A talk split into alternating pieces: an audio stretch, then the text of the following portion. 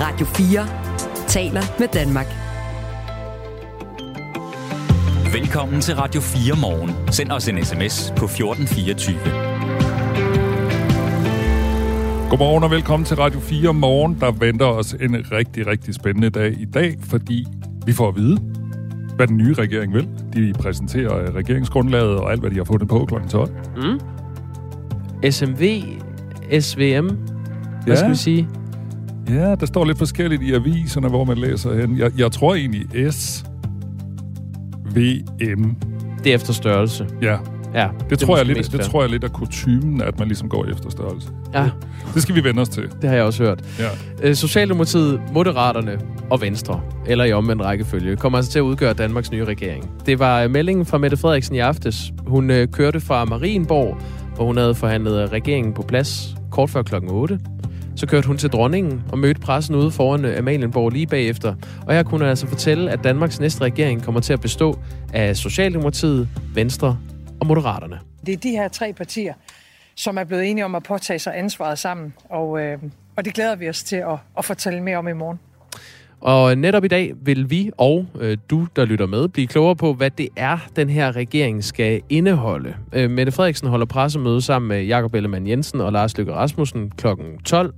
Øh, vores øh, politiske magasin Mandat sender fra kl. 11 her på kanalen og kommer også til at transmittere pressemødet, så du kan roligt blive øh, her på Radio 4 hele øh, formiddagen og hele dagen i øvrigt.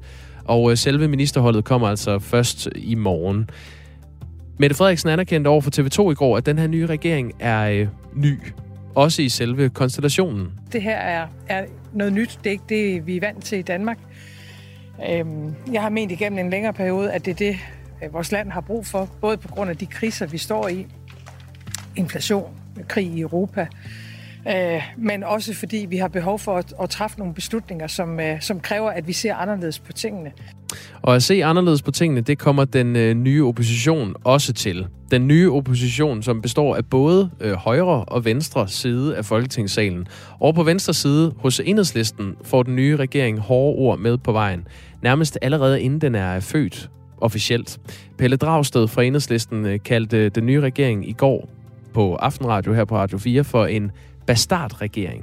Det er jo en, en regering, der er født ud af nogle monumentale løftebrud øh, fra begge sider. Altså på den ene side har vi øh, Venstre og Moderaterne, som øh, ultimativt gik til valg på, at øh, Mette Frederiksen i hvert fald ikke skulle være statsminister og skulle undersøges for øh, eventuelle ulovligheder i forbindelse med Mink-sagen og FE-sagen og andre øh, ting. Øh, det galt så lige indtil, at der var øh, ministerbiler i, i udsigt. Øh, Øh, så glemte man alt om, om, om de løfter til, til vælgerne. På den anden side, øh, og det er sådan set ikke meget bedre, der har man øh, Socialdemokraterne, som hvis ellers vi kan regne med, med de rygter, som, øh, som vi også lige har hørt gengivet, øh, vil gennemføre en politik, der cirka er det stik modsatte af, hvad de gik til valg på. Altså nemlig en politik, som vil øh, give øh, skattelettelser til de mennesker i vores samfund, som har allermest, øh, som vil efterlade fattige familier endnu fattigere end i dag, øh, som vil svigte øh, på de øh, grønne ambitioner, som ellers øh, man gik til valg på og snakkede om rødt flertal, øh, grøn fremtid. Så øh, det er, altså det lyder måske lidt hårdt, øh, men det er lidt af en bastard-regering. Det radikale venstre forlod forhandlingerne jo sidst på eftermiddagen i går, men hvad betyder det for farven på regeringen? Er den blå? Er den rød? Pelle Dragsted mener i hvert fald, den er sort. Det er klart, at øh, det øh, tegner jo øh, til, at det bliver en mere sort regering. Altså det sidste, om man så må sige, grønne parti øh, forlod forhandlingerne. Det, det tyder jo på, og det er også det, vi har kunne høre i læk fra Venstres forretningsudvalg, som kom frem i går, øh, at, man, øh, at man desværre altså efterkommer i høj grad landbrugslobbyens øh, modvilje mod, at, at, øh, at øh, det industrielle landbrug også skal bidrage til den her øh, klimaomstilling. Og det er selvfølgelig en, en, et, et kæmpe, kæmpe problem, fordi vi har ganske få år til at nå i mål med vores, øh, med vores klimamålsætninger. Og fire spildte år, det er næsten ikke, øh, ikke til at bære. Så det er en rigtig skidt nyhed med denne regering. Øh, det vil koste for vores klima, Øh, det vil koste på vores velfærd, på vores sammenhængskraft øh, og solidaritet i samfundet. Øh, altså, det er, jo, det er jo næsten ikke til at forstå, at vi kan have en regering, som planlægger topskattelettelser i en situation, hvor vi har pensionister, som, som ikke har råd til at tænde for varmen, altså hvor, hvor fattige familier skal vælge mellem mad og medicin, der sidder man og, og snakker om at give skattelettelser til de mennesker i vores samfund, som har mest.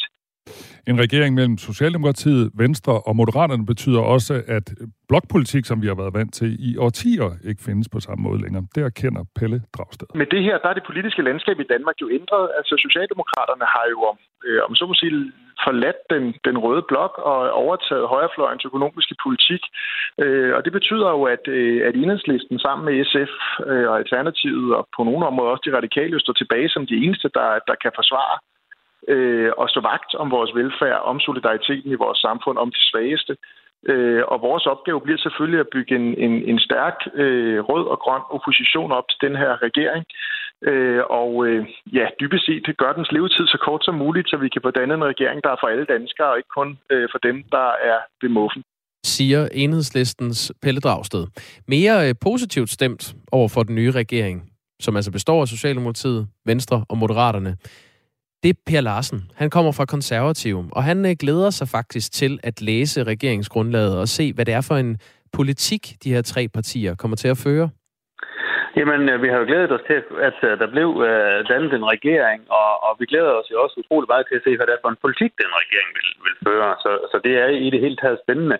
Og så er det jo, det er jo ret nok, at, at det nu ligesom er til endebragt. Det var den 1. november, vi havde valgt, og nu er vi snart i midten af december, så det har jo taget noget tid. Så, så vi glæder os til, eller jeg gør i hvert fald, jeg glæder mig til at se, hvad er det for en politik, den her regering vil føre. Ja, du siger, det er spændende. Altså, hvordan spændende? Er det sådan lige, du næsten ikke kan være i dig selv?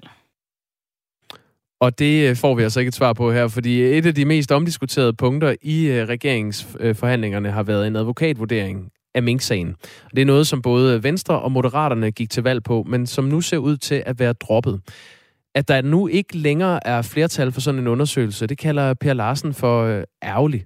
Det er jo ganske ærgerligt, fordi at indtil i søndag, der var det jo rent faktisk et flertal i Folketinget, fordi at, at øh, der var øh, alle de øh, øh, partier, altså Blå Blok og, og, og også Lars Løkke Rasmussens Moderaterne, og så Alternativet, var jo alle sammen gået til valg på at ville have øh, den her advokatundersøgelse lavet sådan så vi kunne få endelig sat et punktum i minksagen og få det politiske ansvar placeret.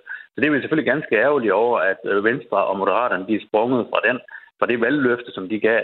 Men, men, øh, men øh, det må vi jo prøve at se, hvordan vi, vi håndterer det.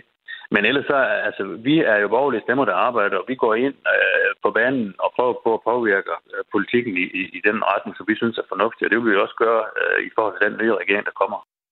Og selvom de konservative kommer til at stå uden for regeringen, så håber Per Larsen på, at, der ikke, at de ikke, altså hele partiet ikke bliver sat uden for indflydelse. Og det tror han heller ikke på, og henviser til flere aftaler, som de konservative i den seneste valgperiode har lavet med de tre partier. Vi har jo i øh, de sidste øh, tre et halvt år, mens Mette Frederiksen har været statsminister, været meget samarbejdsvillige og indgået i en lang, lang række aftaler. Den kæmpe store landbrugsaftale, som vi jo lang tid om at få øh, kørt på plads, den var vi med i. Vi har også lavet en sundhedsaftale, vi har lavet en, en lille psykiatriaftale og, og, og masser af forskellige forlig, og, og det vil vi selvfølgelig også fortsætte med. Og jeg håber da også på, at Mette Frederiksen hun vil køre den samme linje, som altså prøve på at, at forhandle bredt i Folketinget og sørge for, at der sådan er mest mulig majoritet blandt de aftaler, der bliver indgået. Og den samme opfattelse har Peter Kofod. Han er gruppeformand i Dansk Folkeparti, og Dansk Folkeparti kom som bekendt heller ikke med i regeringen. Vi kommer til at være en konstruktiv opposition. Vi kommer til at være øh, fem mandater, der har arbejdstøjet på. Det har vi allerede. Og vi kommer til at byde os til over for regeringen. Vi vil gerne være med til at lave lovgivning og lave aftaler, der trækker Danmark i den rigtige retning. Men det er jo i høj grad op til regeringen. Vi har også spillet konstruktivt ind i regeringsforhandlingerne, hvor vi jo er mødt op hver gang vi er blevet inviteret, og synes vi selv har været meget, øh, meget flinke til at fremlægge det, vi har gået til valg på, og det vi vil anbefale undersøgerne, altså Mette Frederiksen, som vi jo også må regne med bliver statsminister her de næste år. Øhm, og så er vi jo, kan man sige, blevet sidet fra i løbet af forhandlingerne efterhånden, som det er blevet mere og mere seriøst. Og det har vi da været ærgerlige over, fordi vi vil jo gerne have været med til at, at præge retningen. Så vi byder os til. Vi er konstruktive, men de er heller ikke gratis. Det her med at være øh, konstruktiv opposition, som Peter Kofod siger, at øh, Dansk Folkeparti skal være, det har jeg hørt flere sige, at de vil være. Ja, er det for ligesom at love vælgerne nu, at de altså ikke sætter sig på bagerste række med armene over kors, eller hvad? Det tror jeg egentlig er en meget rigtig analyse. Jeg har i hvert fald øh, lagt mærke til, at øh, Alex Vandopslag sagde det, da han var med her i Radio 4 morgen forleden, Øh, Pia Olsen Dyr har også sagt, at de er konstruktiv opposition. Man kan vel være et kritisk støtteparti eller et konstruktivt oppositionsparti? Måske spiller det også en rolle, at vi nu får en opposition, som ligesom er på hver sin side af regeringen. Altså, hvor det plejer at være de røde, der er i opposition til de blå, eller omvendt. Måske spiller det også en rolle, at de lige skal finde deres ben i den nye parlamentariske situation, som vi jo ikke har set i hvad? 50 år snart. Ja, og det, det, det skal alle jo øh, på en eller anden måde, at øh, blokkene er døde øh, i en eller anden forstand. Den fremtid satte øh, Mette Frederiksen også nogle ord på i går ude foran øh, Amalienborg. Hun sagde sådan her på TV2. Det er balance øh, mellem øh, nogle, nogle, nogle klassiske ting, vi normalvis forbinder med, med både forskellige interesser og forskellige syn på vores samfund. Så, så en, en, det, det er klart, balance er, er noget af det, men endnu vigtigere, så er det jo en, en regering, der øh, tror jeg bliver meget politisk duelig. Øh, og vi har, vi har sat højere ambitioner øh, øh, både hvad angår at, at sikre højere beskæftigelse i vores land, øh, at der er flere mennesker, der skal i arbejde, øh, høje klimaambitioner øh, og et, et ret omfattende øh, også reformprogram. Så, så man kan sige, hvad kommer til at kendetegne den her regering? Ja, det gør øh, samarbejde, øh, og så... Øh, at vi vil øh, meget sammen politisk. Så bliver det et arbejdsfællesskab, og det kommer vi også til at uddybe i morgen, fordi det er klart, så forskellige partier, der kommer fra vidt forskellige steder, øh, er gået til valg på forskellige ting. Det, at vi går i regering sammen, betyder jo ikke, at vi er enige om alt, men, men vi vælger nu at gå ind i et arbejdsfællesskab med hinanden, fordi vi vurderer, at det er det, der er det bedste for vores land. Og det var en smilende Mette Frederiksen, som øh, stod foran pressen i går, og hun fik også spørgsmålet, om hun svigter den unge Mette Frederiksen ved at indgå en regering med de blå partier, fordi hun selv var mere rød, da hun var ung. Og til det svarede hun sådan her. Jeg tror først og fremmest, at vi alle sammen skal være glade for, at jeg ikke mener det samme, som jeg gjorde for 25 år siden, fordi det vil ikke være godt, når man er landets statsminister. Vi ses i morgen. Tak skal I have. Ja, Socialdemokratiet, Venstre og Moderaterne sidder altså med magten i det her land i de næste fire år, hvis det ellers holder så længe. Vi vil gerne høre fra dig, der lytter med her til morgen. Er du øh, glad for den her nye regeringskonstellation med Socialdemokratiet, Venstre og Moderaterne? Er det godt for Danmark med et bredere regeringssamarbejde? Du må også gerne skrive ind, hvis du er sur. Du må også gerne skrive ind, hvis du har nogle særlige ønsker. Vi får jo at vide her kl. 12, hvad det er, de har på, papir, øh, på tapetet, den nye regering. Men har du nogle særlige ønsker, du går og tænker, og bare det her kommer med, så skriv det til os på 1424. Det er Michael Robach og Jakob Grosen, der er dine værter her i Radio 4 morgen denne morgen. Du lytter til Radio 4 morgen.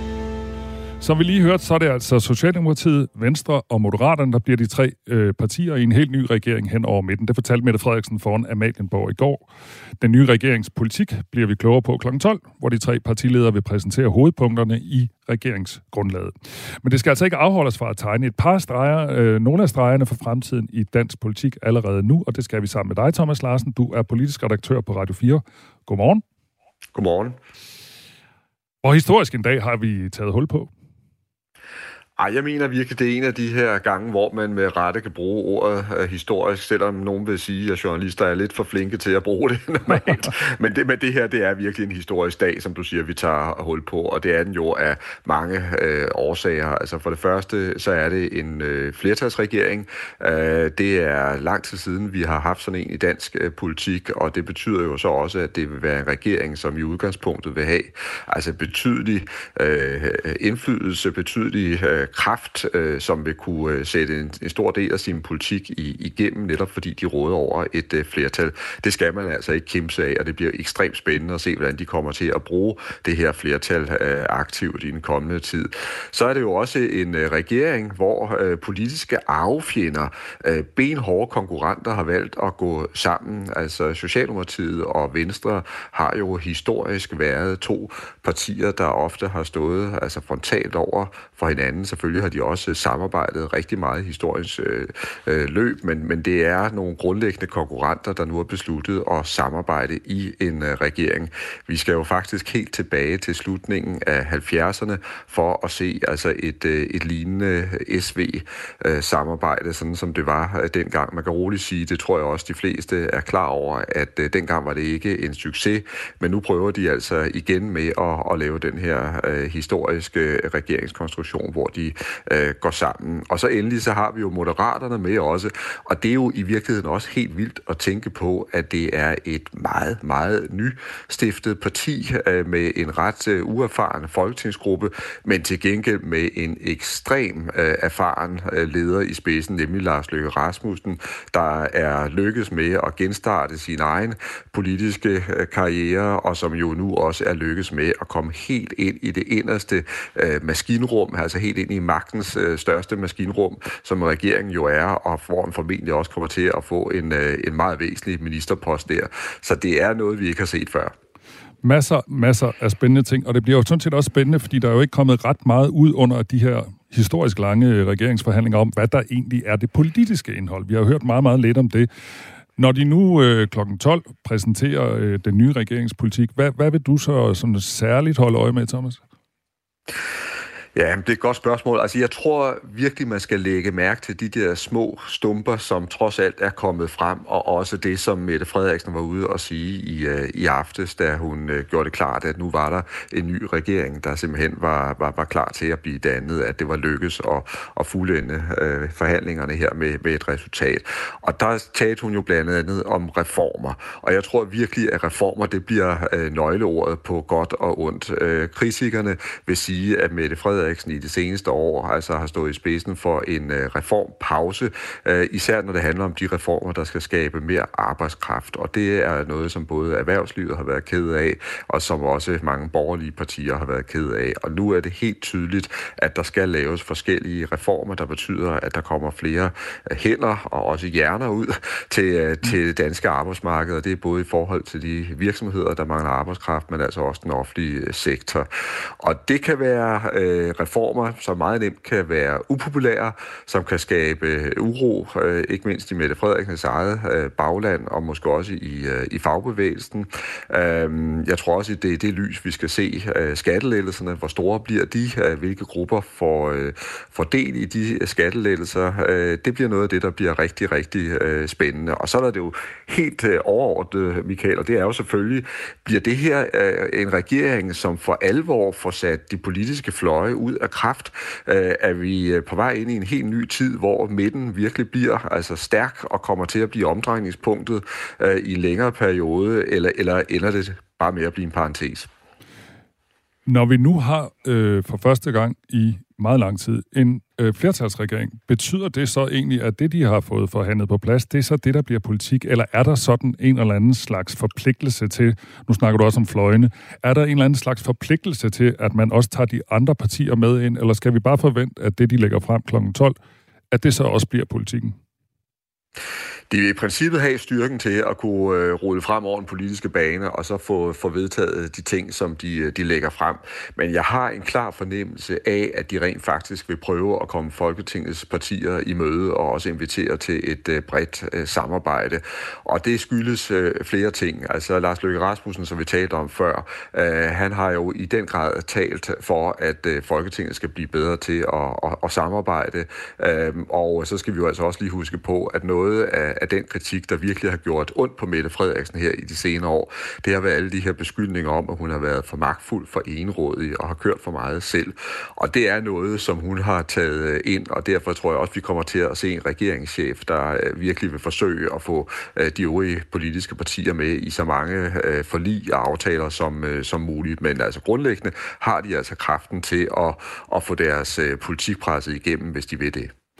Nu nævnte du før det her med, at det er sådan, hvad skal vi sige, gamle fjender, altså Venstre og Socialdemokratiet, der skal i regering sammen. Jeg synes også, det bliver interessant at, at se Ellemann og Mette Frederiksen i den samme regering, og Sofie Løde måske, og Peter Hummelgaard, altså sådan nogen, der virkelig har været i klins med hinanden. Så har vi også øh, Moderaterne, som jo er nye, bortset fra, at vi jo alle sammen kender Lars Lykke. Hvilken rolle tror du, at de kommer til at spille i regeringen? Jeg tror, de kommer til at spille en øh, stor og væsentlig øh, rolle, og det skyldes med al respekt ikke den folketingsgruppe, der er blevet valgt øh, ind, fordi selvom der helt øh, med garanti er, er talenter der, og selvom der er politikere, øh, som vil få deres øh, gennembrud, øh, altså nu hvor de er blevet valgt ind, så er der jo ingen tvivl om, at det her parti, det bliver drevet af Lars Løkke Rasmussen, og han kommer på overarbejde. Han kommer simpelthen til på mange måder at være den mand, der skal sikre, at Moderaternes indtog i den nye regering lykkes, og jeg tror også, at han vil blive en meget stor politisk kraft, altså i regeringens øh, top. Jeg er ekstremt spændt på at se, øh, hvad det er for en ministerpost, øh, han også får, men øh, han bliver en drivende kraft i de arbejdsudbudsreformer, der skal laves, og så tror jeg også, at han kommer til at spille en øh, kolossal, væsentlig rolle i forhold til de øh, reformer og forhåbentlig også forbedringer af det nødlidende sundhedsvæsen, der skal i gang. Jeg gætter på, at Lars Løkke Rasmussen bliver sundhedsminister. Hvad gætter du på? Det er i hvert fald en virkelig, virkelig interessant tanke, Michael, fordi vi ved begge to, at han er meget, meget optaget af at prøve at få styrket sundhedsvæsenet, og han er også en af de politikere, der faktisk er anerkendt for at have stor indblik i vores øh, sundhedsvæsen. Og det kunne være ret interessant, om han bliver sådan en eller anden form for ny superminister på sundhedsområdet, men det er meget, meget svært at spå om, for det kan også være, at det er på nogle andre områder, han kommer til at lave, at lave reformer, men han bliver, øh, tror jeg, en form for reformator i den her øh, regering. Det er jo derfor, han har drømt om, at der skal laves øh, en ny regering hen over midten her i de seneste år. På selve bryllupsdagen, så taler man jo meget, meget sjældent om skilsmissen. Men alligevel, øh, tror du, at sådan en regering her i sådan en ny konstellation, tror du på, at den kan holde i fire år? Det er jeg også meget, meget spændt på, fordi man skal altså ikke underkende det her, at det er virkelig nogle gamle rivaler og konkurrenter, der skal finde sammen. Og det er klart, det vil jo være øh, lidt af et mirakel, hvis de får det til at køre, hvis de øh, får fuld tillid til hinanden, og de virkelig øh, kæmper for den samme sag. Men jeg bliver også nødt til at, at sige, og nogen må måske kalde mig for en gammel kynisk kommentator, jeg vil simpelthen se det, før jeg tror det.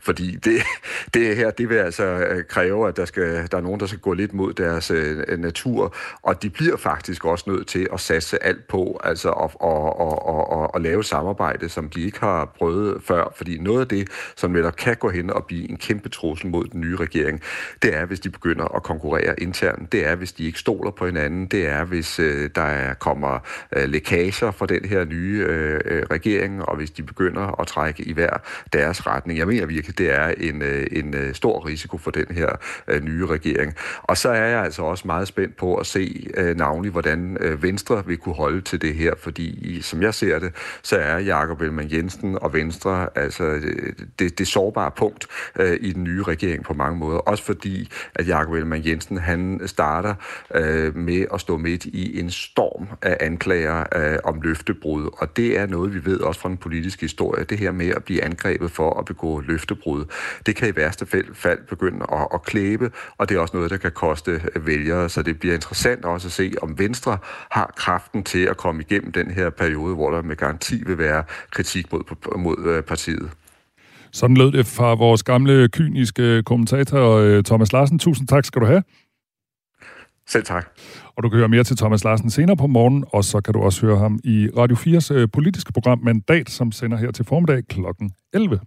Der er mange sms'er øh, her til morgen. Der er en, der skriver her, Godmorgen, sikkert godt med den nye regering, men mangler afgørelse på Mink-sagen, og så en meget vred emoji. Så er der også en, der skriver, jeg er ovenud lykkelig. Jeg stemte forrige gang på S, denne gang på M. Det er helt perfekt med denne kombination, så vi kan sikre, at hele Danmark kan tilgodeses på hver sine områder. Det er Kirsten Sigård øh, Kapton, der har skrevet ind. Godmorgen, Kirsten. Vi har ringet dig op. Ja, godmorgen. Hvorfor er du glad? Jamen, det er jeg, fordi sidste gang, vi havde valgt, der stemte jeg på Socialdemokratiet. Det fortrød jeg noget så bittert. Hvorfor? Efter corona kom, og det kostede landet så mange penge, og uden grundlag for det, så nedlagde man dansk erhverv, et, en del af dansk erhvervsliv, minkavlen, og jamen, ja, til sidst så strøede de om sig med tjek, som om det var flødekarameller, man kastede ind i skoleklassen sidste skoledag. Altså, det var helt ude af kontrol, hvem der fik hvad og hvorfor. Så derfor så tænker jeg, at vi har simpelthen, det har været sådan altid, efter en samler, der skal der komme en spreder, eller der kommer der en spreder, og efter en spreder, der kommer der en samler. Når Socialdemokratiet har været værst, så er det kostet landet så mange penge, at vi er nødt til at have blå blok til at samle op på det. Og denne her gang, der tror jeg faktisk, det er fuldstændig rigtigt, med alle de udfordringer, vi har om øh, både, øh, jamen alle steder, psykiatri, øh, der er en trussel mod øst, og der er høj inflation, der er alle mulige grunde til, at vi egentlig finder et samarbejde med både nogen, der tænker meget på de bløde værdier, men også tænker på dansk erhvervsliv og øh, tænker økonomi ikke mindst. og jeg, jeg er bange for, at enhedslisten, de har det selvfølgelig hjertet på rette sted, men de har godt nok ikke økonomien på rette sted. Så derfor så synes jeg bare, det, det er den bedste den bedste konstellation, jeg kunne tænke mig. Og jeg har jo så også stemt på Moderaterne denne gang, så jeg er glad for, at de kom med. Men var de ikke kommet det, så har jeg også mm. været tilfreds med Jakob Ellemann og Mette Frederiksen sammen. Tak for dit indspark, Kirsten. Velbekomme. Kirsten øh, Sigård Krafton, som har skrevet ind på 1424. Det kan du også gøre. Det øh, må du meget gerne. Nu er klokken øh, blevet halv syv, og vi skal have nogle nyheder. Nu er der nyheder på Radio 4. Der er blandede reaktioner på den nye SVM-regering fra partierne på Christiansborg. De tidligere støttepartier SF og Enhedslisten er skuffet over, at Socialdemokratiet ikke bruger det røde flertal, der ellers landede efter valget. Enhedslistens Pelle Dragsted er kritisk over for rygterne om den nye regeringspolitik. En politik, som vil øh, give øh, skattelettelser til de mennesker i vores samfund, som har allermest, øh, som vil efterlade fattige familier endnu fattigere end i dag, øh, som vil svigte øh, på de øh, grønne ambitioner, som ellers øh, man gik til valg på og snakkede om rødt flertal, øh, grøn fremtid.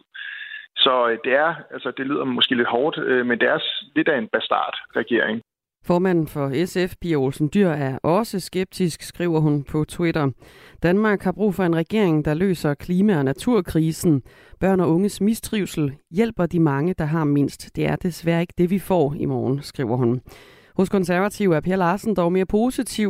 Konservativ vil forhandle konstruktivt, siger han til Radio 4. Vi er jo borgerlige stemmer, der arbejder, og vi går ind øh, på banen og prøver på at påvirke øh, politikken i, i, i den retning, som vi synes er fornuftig, og det vil vi også gøre øh, i forhold til den nye regering, der kommer. Dansk Folkepartis formand, gruppeformand Peter Kofod ser også frem til at samarbejde med den nye regering, lyder det. Vi kommer til at være en konstruktiv opposition. Vi kommer til at være øh, fem mandater, der har arbejdstøjet på. Det har vi allerede. Og vi kommer til at byde os til over for regeringen. Vi vil gerne være med til at lave lovgivning og lave aftaler, der trækker Danmark i den rigtige retning. Og grundlaget for den nye regering præsenteres i dag kl. 12. Der har været eksplosioner i den centrale del af Ukraines hovedstad Kiev her til morgen.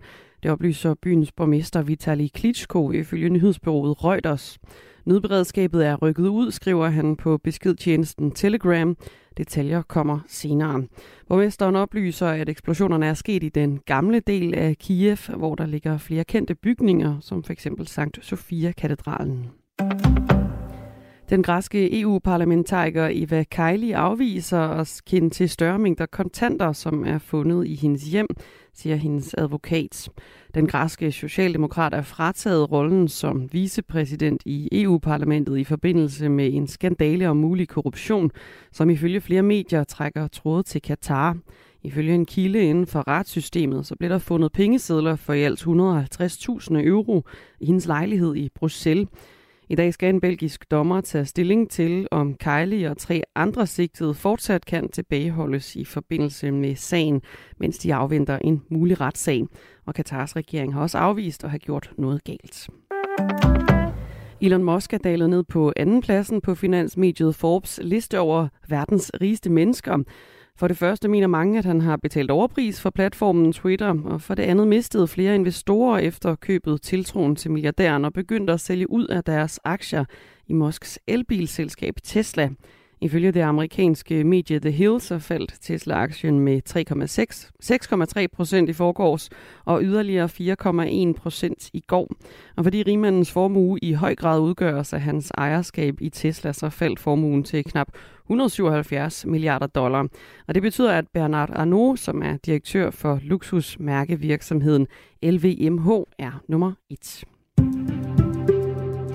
Det bliver med spredte sne eller sludbyer i dag. Stedvis også en smule sol ind imellem. På Bornholm dog tørt med nogen sol. Temperaturerne de lander mellem 2 graders frost og 3 graders varme. Lunest bliver det ved vestkysten, og vinden den bliver svag til frisk mellem syd og vest. Det var nyhederne på Radio 4. Du lytter til Radio 4 morgen. Husk, du kan skrive en sms til os på 1424. Som borgerlig er det her en skandaleregering, men man må give Lykke noget kredit. Sikkert comeback. Kærlig hilsen, Alexander fra Silkeborg. Lasse, som øh, beskriver sig som øh, venstremand to the bone i en sms på 1424, skriver op. Den nye regering er interessant for Danmark. Tiden er inde til at gå efter et bredt samarbejde til gavn for landet. Det er tre partier, der på hver deres områder er kompetente. Og så Velblund og Rød Stue øh, kan male nok så mange øh, skræmmebilleder om sultne børn og frysende pensionister og topskattelettelser. Lad os høre, hvad de har skruet sammen. Og så krydse fingre for, at vi endelig kan se muligheder på den lange bane for Danmark. Det bedste for Danmark, skriver Lasse. Og Lasse er en af dem, der er skrevet ind på 1424. Vi vil rigtig gerne høre fra jer, hvilke ønsker I har til en ny regering. Hvad tænker I om den nye regering? Og øh, det Lasse efterlyser, det er jo blandt andet, hvad, hvad, hvad er det, der kommer? Og det får vi altså at vide klokken 12, når regeringsgrundlaget bliver præsenteret, altså deres politik. Og det pressemøde sender vi selvfølgelig her på Radio 4. Det er Michael Robach og øh, Jakob Grosen, der holder dig i hånden frem til klokken 9 her på Radio 4. Godmorgen. Du lytter til Radio 4 morgen. Øh, det betyder jo, nu hvor den nye regering består af Socialdemokratiet, Venstre og Moderaterne, at radikale Venstre må se med fra sidelinjen. Det skal vi tale med dig om, øh, Jakob Blomgren. Du er partner hos PR-byrået Rud Pedersen og tidligere politisk rådgiver for hele tre radikale partiledere. Det er Morten Østergaard, Margrethe Vestager og Marianne Hjelved. Godmorgen til dig. Godmorgen. Radikale Venstre fik jo presset Mette Frederiksen til at udløse et valg i utide. Hun kunne have ventet til sommer. Hvor stort et nederlag er det for de radikale, at de ikke ender i regering? Ah, men der er ingen tvivl om, det er jo ærgerligt for øh, de radikale. Øh, de har jo ført en valgkamp på, at øh, blokkene, blokpolitikken skal afskaffes, røde og blå partier skal samarbejde, øh, og det er jo rent faktisk det, der er sket. Øh, de bliver endda tilbudt regeringsdeltagelse, men ender så med at sige nej. Øh, det er ærgerligt for partiet. Den øh, politiske leder Martin Lidegaard har sagt til politikken, at partiet ikke er tilfredse med den øh, kommende regeringspolitik på børne- og ungeområdet, på uddannelsesområdet, og så når det gælder klimapolitikken. Hvorfor er det lige de emner, der er så vigtige for radikale venstre, at de er klar til at sige nej til at gå i en regering?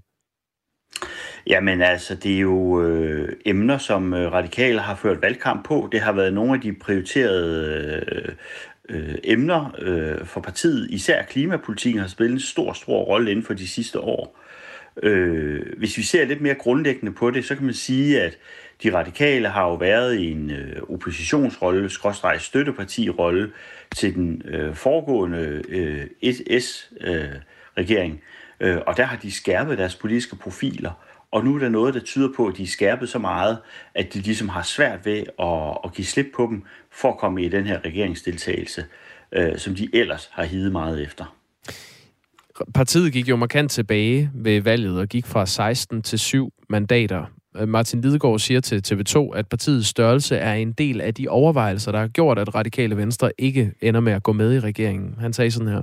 Ja, jeg har sagt, jeg synes egentlig, vi har fået rigtig meget her, men der er også rigtig meget, meget møg der. Samlet set synes jeg, indholdet så fint ud, men var det nok? Og der har jeg sagt, på en måde synes jeg, det er det, men jeg er i tvivl om den position, vi kan få i regeringen som lille parti, er god nok til at kunne stå på det her og banke det igennem, om så må sige, regeringen. Og der konkluderede vi øh, efter en drøftelse, og jeg konkluderede, at det var det ikke. Jakob Blomgren, øh, når du kigger på det her, hvor meget tror du så, at det her det er Martin Lidegaards beslutning som øh, politisk leder i Radikale, og hvor meget er det Folketingsgruppens beslutning? Jamen altså, øh, der er jo ingen tvivl om, at øh, i øh, går eftermiddags, der holdt Folketingsgruppen med møde, så det er jo en kollektiv beslutning. Øh, der har øh, selvfølgelig i en øh, folketingsgruppe, som der er i alle grupper, været forskellige temperamenter og forskellige tilgange til det her spørgsmål. Øh, Martin Lidegaard har jo været den, der har været hovedforhandler for de radikale. Han har ledet forhandlingerne. Øh, og der er nok ingen tvivl om, at det har han gjort, fordi han har haft et ønske om, at det skulle ende med en regeringsdeltagelse. Øh, så så øh, selvfølgelig, øh, det er en kollektiv beslutning, øh, og jeg tror grundlæggende, at mange i gruppen gerne havde set en regeringsdeltagelse. Ja, for bare fordi man er en lille gruppe, betyder det jo ikke, at der kan være et stort spænd øh, i, imellem holdningerne i gruppen. Og måske bliver det endda mere synligt, når man ikke er så mange. Øh, hvor, hvor svagt står Martin Lidegaard i, øh, i den radikale folketingsgruppe? Nej, jeg tror ikke, han, stå, han står ikke øh, særlig svagt. Altså, jeg, jeg, øh, det han har formået her, det er jo at tage hensyn til gruppens samlede position, det der kan samle gruppen. Øh, han er ny partileder. Jeg tror ikke, det her det er et personspørgsmål, øh, der har gjort sig gældende. Et personspørgsmål øh, forstået på hvilken måde? Jamen altså, jeg tror ikke, det har noget at gøre med Martin Lidegaards øh, person, at øh, partiet ikke kommer i regering. Jeg tror simpelthen, det er nogle politiske overvejelser, gruppen har haft, hvor der er forskellige tilgange. Øh, men det er klart, altså øh, igen, øh, de radikale har jo arbejdet for øh, at komme, øh, for at afskaffe blokpolitikken. Øh, og de har jo selvfølgelig i, længe set sig selv som øh, nogen, der skulle deltage i den regering, der afskaffer blokpolitikken. Så på, på, på den måde er, er det et nederlag, men hvis de spørgsmål går på, om Martin Lidegaards lederskab er truet, så tror jeg det ikke. De blev mere end halveret ved valget radikale, og kommer nu heller ikke med i en regering. Hvor meget, eller hvor stor en indflydelse kan de øh, egentlig få i den kommende valgperiode? Ja, men altså, det er jo virkelig det gode spørgsmål her. Øh, jeg er jo enig med Thomas Larsen, der sagde lige før, at regeringen vil selvfølgelig prøve at lave aftaler og få politiske aftaler, der er bredere, end den selv er. Det der er udfordringen for de andre partier, det er jo, at den her SMV-regering starter med et flertal, når den forhandler. Øh, så kan den få konservative ombord, den kan få radikale ombord, dem der er i nærheden af den reformpolitik, der bliver helt bærende for regeringen. Øh, Øh, men det er klart, at indflydelsen er jo større ved at være inden for en regering, end ved at være at være udenfor. Øh, men, men jeg er sikker på, at der nok skal blive nogle forhandlingsprocesser, øh, hvor partier, der ikke deltager i regeringen, kan gøre deres indflydelse gældende. Men hvor langt det rækker, det må man jo se. Tror du, Radikale Venstre har fået sat et aftryk på det regeringsgrundlag, vi kommer til at, at blive klogere på kl. 12, når regeringen præsenterer det, og den politik, som regeringen vil føre, selvom Radikale Venstre altså ikke er med i regeringen? Ja, men altså, det, det tror jeg sådan set, og det har øh, noget at gøre med den måde, som øh, den kongelige undersøger Mette Frederiksen har tilrettelagt øh, forhandlingerne på. Øh, det er selvfølgelig at give flest mulige medansvar for det politiske indhold, man har forhandlet. Øh, de radikale har siddet der længe, altså øh, Martin Lidegaard sad der hele mandag nat. Øh, og det samme har øh, galt SF, som har været inde tidligere forløbet konservative helt i starten. Jeg tror, at øh, øh den nye SMV-regering har sørget for, at der i dets indhold er også noget, som partier uden for regeringen kan spejle sig selv i. Øh, jeg tror, det er en strategi fra, fra den her SMV-regerings side. Så nogle aftryk vil man kunne finde, også fra de radikale. Vi står jo for enden af en øh, lang proces, der blev skudt i gang af radikale venstre øh, i sommer, da man pressede Mette Frederiksen til at udskrive valg senest øh, ved Folketingets åbning omkring 4. oktober. Øh, og nu står man så uden for en regering, som man nok havde håbet at komme med i. Tror du alt i alt, radikale venstre kommer til at se tilbage på den beslutning om at gennemtvinge et valg som den rigtige beslutning? Ja, altså, øh, det øh, øh, må ikke allerede, de er i gang med det. Altså, øh, valgets resultat taler jo for sig selv. Øh, men, men i virkeligheden, så tror jeg, at de som alle andre politikere øh, tænker fremad, og det er også det, de skal. Øh, de radikale øh, skal finde øh, øh, sig selv. Øh, er de et støtteparti? Er de et oppositionsparti? Øh, stiller de krav? Kritiserer de den siddende regering?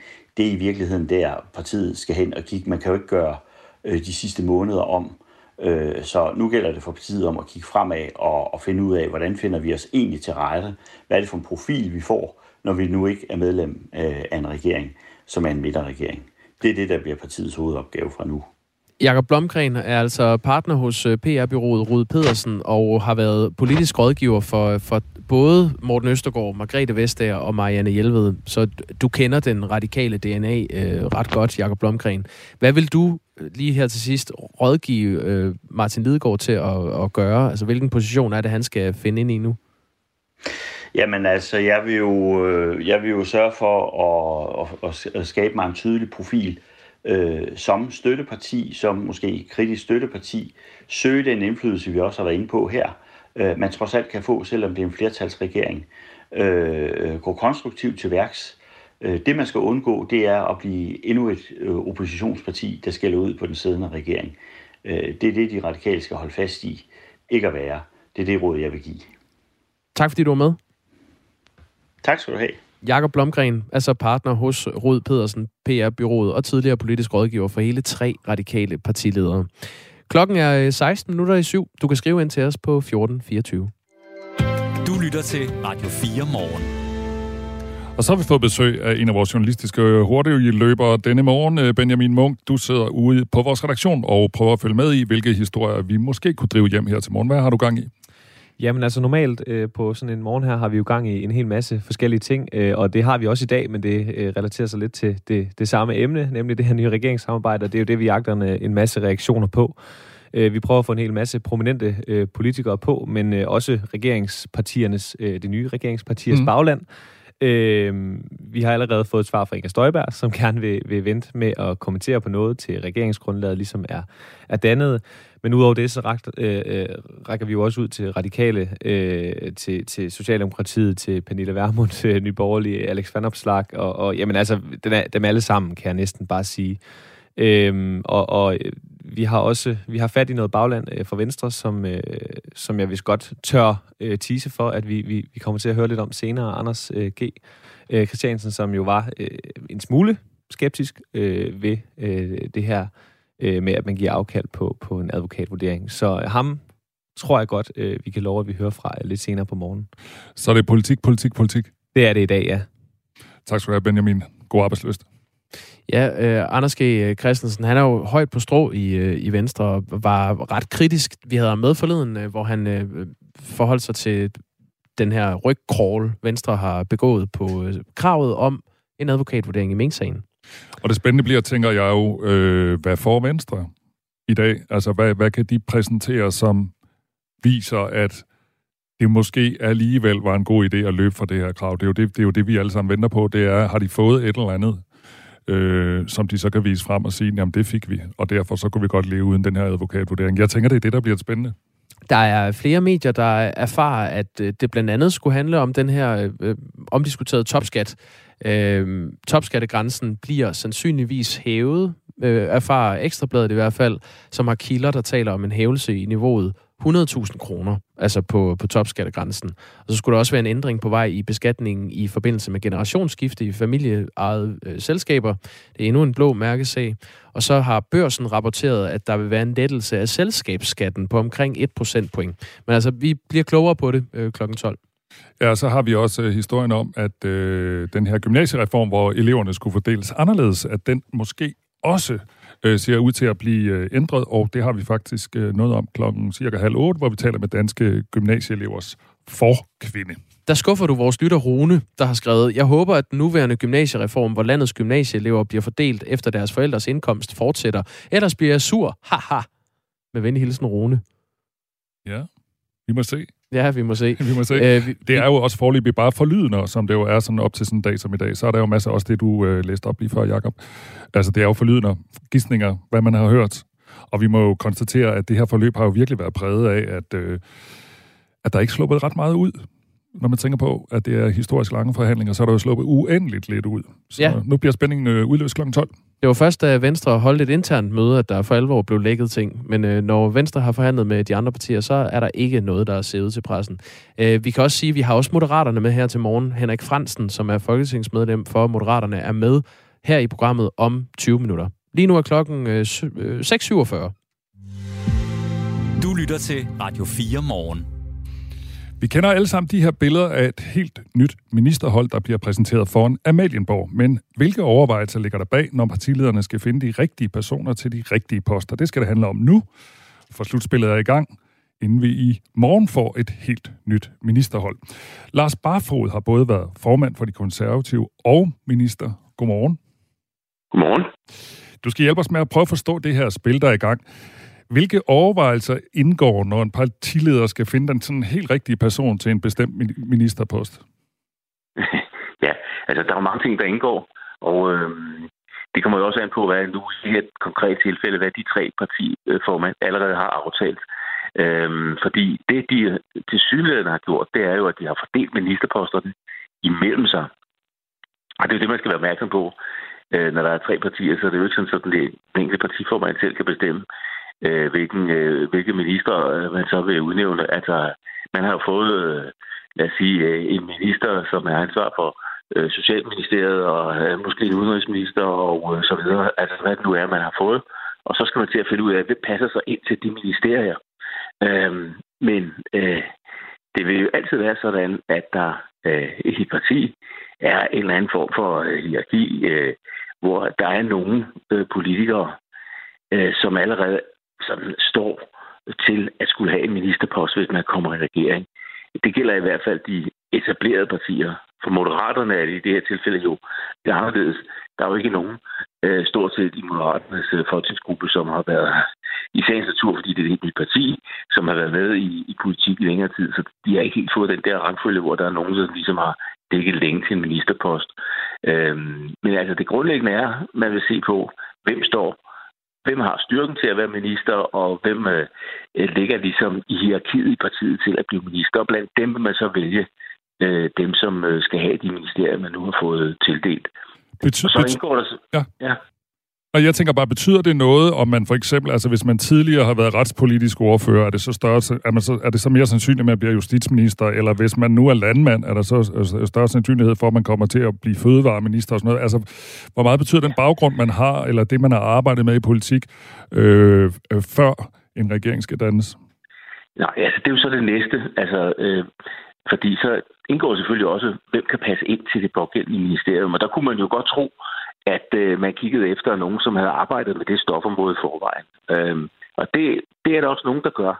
Øh, det har du også set masser af eksempler på, at øh, øh, en, lad os sige, en socialordfører bliver socialminister, for eksempel. Det ville jo være naturligt. Og øhm, øh, det kan også være, at det for, for, for, for nogle vedkommende vil, vil ske. Men øh, man skal jo lægge mærke til, at da Mette Frederiksen dannede regering sidst, øh, der var der stort set ingen af ministerne, som havde haft øh, det øh, område som ordfører, før de blev ministre. Øh, det var, bortset fra en enkelt, tror jeg, øh, Lea Wermelin, som blev miljøminister, som var miljøordfører i forvejen, så øh, var det nogen, som kom ind på et område, hvor de ikke havde været ordfører før. Øh, det kan jo være, fordi at øh, hun var bekymret for, at de havde lovet så mange ting og sagt så mange ting på området, som de så ikke kunne leve op til som minister. Så var det lettere at tage ind øh, og sætte ind på området, som aldrig nogensinde havde beskæftiget sig med det eller mm. udtalt sig om det før. Øh, så det behøver bestemt ikke at være, øh, være afgørende, om man har haft det område før. Øh, der er masser af eksempler på det, på det modsatte. Er det, er det Jakob Ellemann, der bestemmer, hvilke venstrefolk, der skal være minister, og, øh, og, og det samme for Lars Lykke hos Moderaterne, eller har Mette Frederiksen, som jo ligesom bliver chef for hele regeringen, har hun noget at skulle have sagt i forhold til, hvilke navne, der får, eller hvilke personer, der får hvilke ministerier? Ja, som udgangspunkt, så vil det jo være partiformanden, som øh, suverænt bestemmer, hvem øh, det er i det pågældende parti, der skal være øh, minister. Man har fået tildelt øh, tre eller øh, seks eller ti ministerposter, afhængig af, hvor stor partiet er, øh, i den indbyrdes aftale, de, de jo allerede har lavet. Øh, og så er det partiformændene, som må finde ud af, hvem der skal være minister. Men når det er sagt, øh, så, øh, så, så vil det jo være sådan, at statsministeren har en eller anden form for, for vetoret om over, hvem øh, hun vil have med på sit hold. Jeg kan ikke forestille mig det anderledes. Så der vil være en eller anden form for dialog, øh, hvor de siger, jamen jeg kunne tænke mig den og den til den og den post. Øh, og så vil statsministeren så formentlig øh, nægte til det. Men altså, der må være en eller anden form for vetoret, så statsministeren skal sige, nej, det, det kan hun ikke se øh, går. Øh, så der vil være en dialog om det, men det er i, i udgangspunktet partiformanden, der, øh, der bestemmer det. Vi taler med Lars Barfod, der blandt andet har været justitsminister og transportminister, og Lars Barfod var også politisk leder for det konservative Folkeparti fra 2011 til 2014. Hvilke poster er så tunge, øh, Lars Barfod, og så vigtige, at der bliver kamp om den? Altså, jeg går ud fra, at der er måske mindre kamp om at blive øh, ja, transportminister, siger så, hun er fornærmet dig, men altså, men, men hvilke, hvilke, min, hvilke ministerier er så vigtige, så, så der bliver der virkelig tale om armlægning?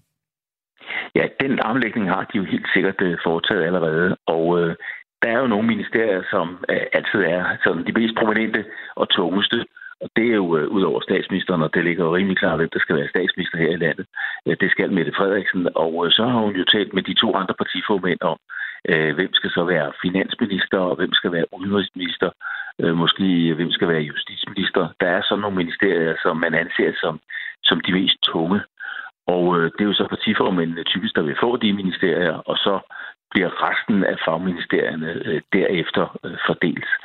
Øhm, og, og det har jo, øh, altså en af de diskussioner, som, som kører, det er jo, hvem skal være finansminister? Mm. Øhm, det kunne man jo øh, godt forestille, mig, forestille sig, at Jacob Ellemann han øh, lagt billet ind på det er jo sådan det tungeste ministerium på Slottsholmen, og øh, når der er forhandlinger om store økonomiske reformer, fordi og så videre, så kører det jo ofte ikke bare gennem et fagministerium, men igennem øh, Finansministeriet, hvor finansministeren sidder for bordenden for de forhandlinger.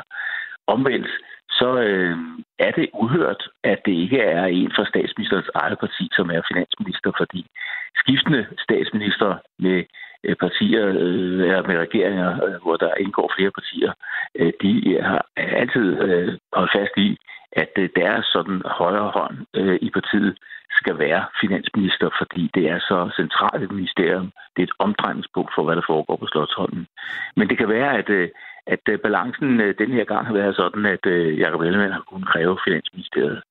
Men det er jo også en mulighed, at vi ser nogle helt andre ministerier, eller i hvert fald nogle, nogle ministerier, der er op på en helt anden måde, for netop at tilfredsstille den balance mellem partiformændene, altså at øh, en socialdemokrat bliver finansminister, men man har måske skåret nogle ting ud af Finansministeriet, og så etableret et, øh, et stærkt økonomisk ministerie, som Jacob Ellemann så får. Øh, man kunne se, da Helle thorning Schmidt var statsminister, og Margrethe Vestager indgik i regeringen på det radikale Venstres vegne, jamen så lavede man et stærkt økonomisk ministerium til Margrethe Vestager, hvor man samlede sådan til, som man samlede sammen til sådan et økonomi- og indrigsministerium. Og noget tilsvarende kunne man jo se for sig denne her gang. Og nu er der jo tre partiformænd, der skal et stort ministerium, eller et stærkt ministerium. Ja, lad os lige tage den sidste partiformand, Lars, øh, Lars Barfod, ja. her til sidst. Øhm, hvad tror du, der ville kunne tilfredsstille moderaterne på sådan en ministerliste? Altså, hvad vil gøre Lars Lykke glad, og, hvad, og, og hvor mange ministerposter tror du, han kan regne med, eller hans ja, parti kan regne altså, med? Altså, det, det, det, det er jo rent gætteri, øh, hvad øh, Lars Løkke Rasmussen så øh, kunne få i den sammenhæng. Han vil jo være, han, vil jo være, han er jo det tredje største parti, og vil naturligt være, være nummer tre, der skal vælge. Nogle vil sige, jamen så kan han jo være udenrigsminister. Det er jo også et af de stærke, øh, prominente ministerier. Øh, men der er jo det ved det, at øh, partifor, der er dårlige erfaringer med partiformænd, som bliver udenrigsminister, fordi de er så meget væk fra landet, så meget væk fra det daglige liv øh, i Folketinget og Slottsholmen, at de ser for dem at holde styr på, på tropperne, jeg nær sagt. Øh, for selvom det så kunne være fristende for Lars Løkke at være udenrigsminister, så, øh, så tror jeg snarere, at han øh, også er gået efter at få samlet nogle ting sammen, som øh, giver et stærkt ministerium. Nu er Lars Løkke jo meget stærkt forankret fagligt i sundhedsområdet, og det er jo højt prioriteret at få etableret nogle reformer og skabt en udvikling, sådan at vi får en bedre sundhedssektor. Så man kunne jo forestille sig, og det er rent gæt fra min side, men man kunne forestille sig, Sundhedsministeriet og Indrigsministeriet blev samlet sammen til sådan en slags stærkt indrigs- og sundhedsministerium, hvor der altså havde kommuner og regioner, og derunder sundhedsområdet, øh, og så øh, en opgave, der handlede om at skabe nogle, øh, nogle reformer på sundhedsområdet, mm. måske også nogle reformer i den offentlige forvaltning øh, i almindelighed, øh, sådan at det på den måde blev et stærkt ministerium, der kom til at spille en stor rolle i det reformarbejde, som den her regering skal i gang med. Det bliver spændende. Vi får de nye ministre i morgen. Tak til dig, Lars Barfod, tidligere minister Jamen, og partileder. Og klokken øh, cirka 20 minutter over 8, så taler vi med en tidligere minister, Manu Seren, og han fortæller, hvordan det er det her med at sidde derhjemme og vente ved telefonen. Og er der nogen, der ringer og tilbyder en, øh, en ministerpost, det taler vi altså med Manu Seren om cirka 20 over 8. Radio 4 taler med Danmark. Rekordlange for, øh, regeringsforhandlinger er altså overstået, og der er 10 dage til jul, så de nåede det da i øh, god tid. Men jeg synes da måske, at vi får illustrere, hvordan de her partier har bøjet sig mod hinanden. Øh, for det har de. Det er jo øh, tidligere øh, fjender, som nu skal være venner. Øh, så kan vi jo øh, spole tiden tilbage til Folketingets åbning den 4. oktober. Ja. TV2 fanger Jakob Ellemann Jensen, Venstres formand, foran Christiansborg. Det er altså et... Øh, set i det lys af, hvad vi nu ved, et øh, interview, der tåler et genhør. Er det helt udelukket, at I kan komme i en regering med Mette Frederiksen efter valget? Altså, øh, Mette Frederiksen, der rækker hen over midten for at blive siddende, det er billedet af en, der vil være statsminister for enhver pris. Og jeg kan godt love, jeg kommer aldrig til at pege på Mette Frederiksen som statsminister i Danmark. Heller ikke selvom du kunne få tilbudt en post som, hvad ved jeg, finansminister, udenrigsminister, en af de tunge ministerposter? Ordet aldrig er ret ultimativt. Her, der er jeg ultimativ. Jeg vil have en borgerlig statsminister i Danmark. Og der er mange gamle klip nede i vores arkiv, og alle mulige andres arkiv, som gør mm. lidt ondt på Venstre i de her dage. Ja, det er der. Det er politik, når det er bedst og værst. Øh, Michael fra Horslev har skrevet en sms. Han skriver til Ellemann. Tillykke. Nu kan du snart sidde på bagsædet, både i overført betydning og i virkeligheden, og nynne for dig selv. Hvor længe vil du ydmyge dig? Fire år åbenbart. Og til den forsmåede venstrefløj, Mette har ikke skabt en midterregering for Danmarks skyld, men for at sno sig ud af en advokatvurdering. Og til højrefløjen, Socialdemokratiets strateger er bare så meget smartere end jeres. Kom nu op i gear, lyder et indspark, hvor der lige er svirper både til højre og venstre fra Michael. Og Lene skriver, medier og kultur får grønthøsteren, og SU omlægges til lån. Pensionsalderen sættes op, og bliver du arbejdsløs, sænkes ydelserne. Det er altså Lene, der ikke har ret store forventninger til den kommende regering, som bliver præsenteret i dag. Der er også en, der er glad her. Øh, det er fremragende med SMV-regeringen. Har ventet i overvis på et bredt samarbejde. Tillykke til Danmark. Blokpolitik er forhåbentlig død.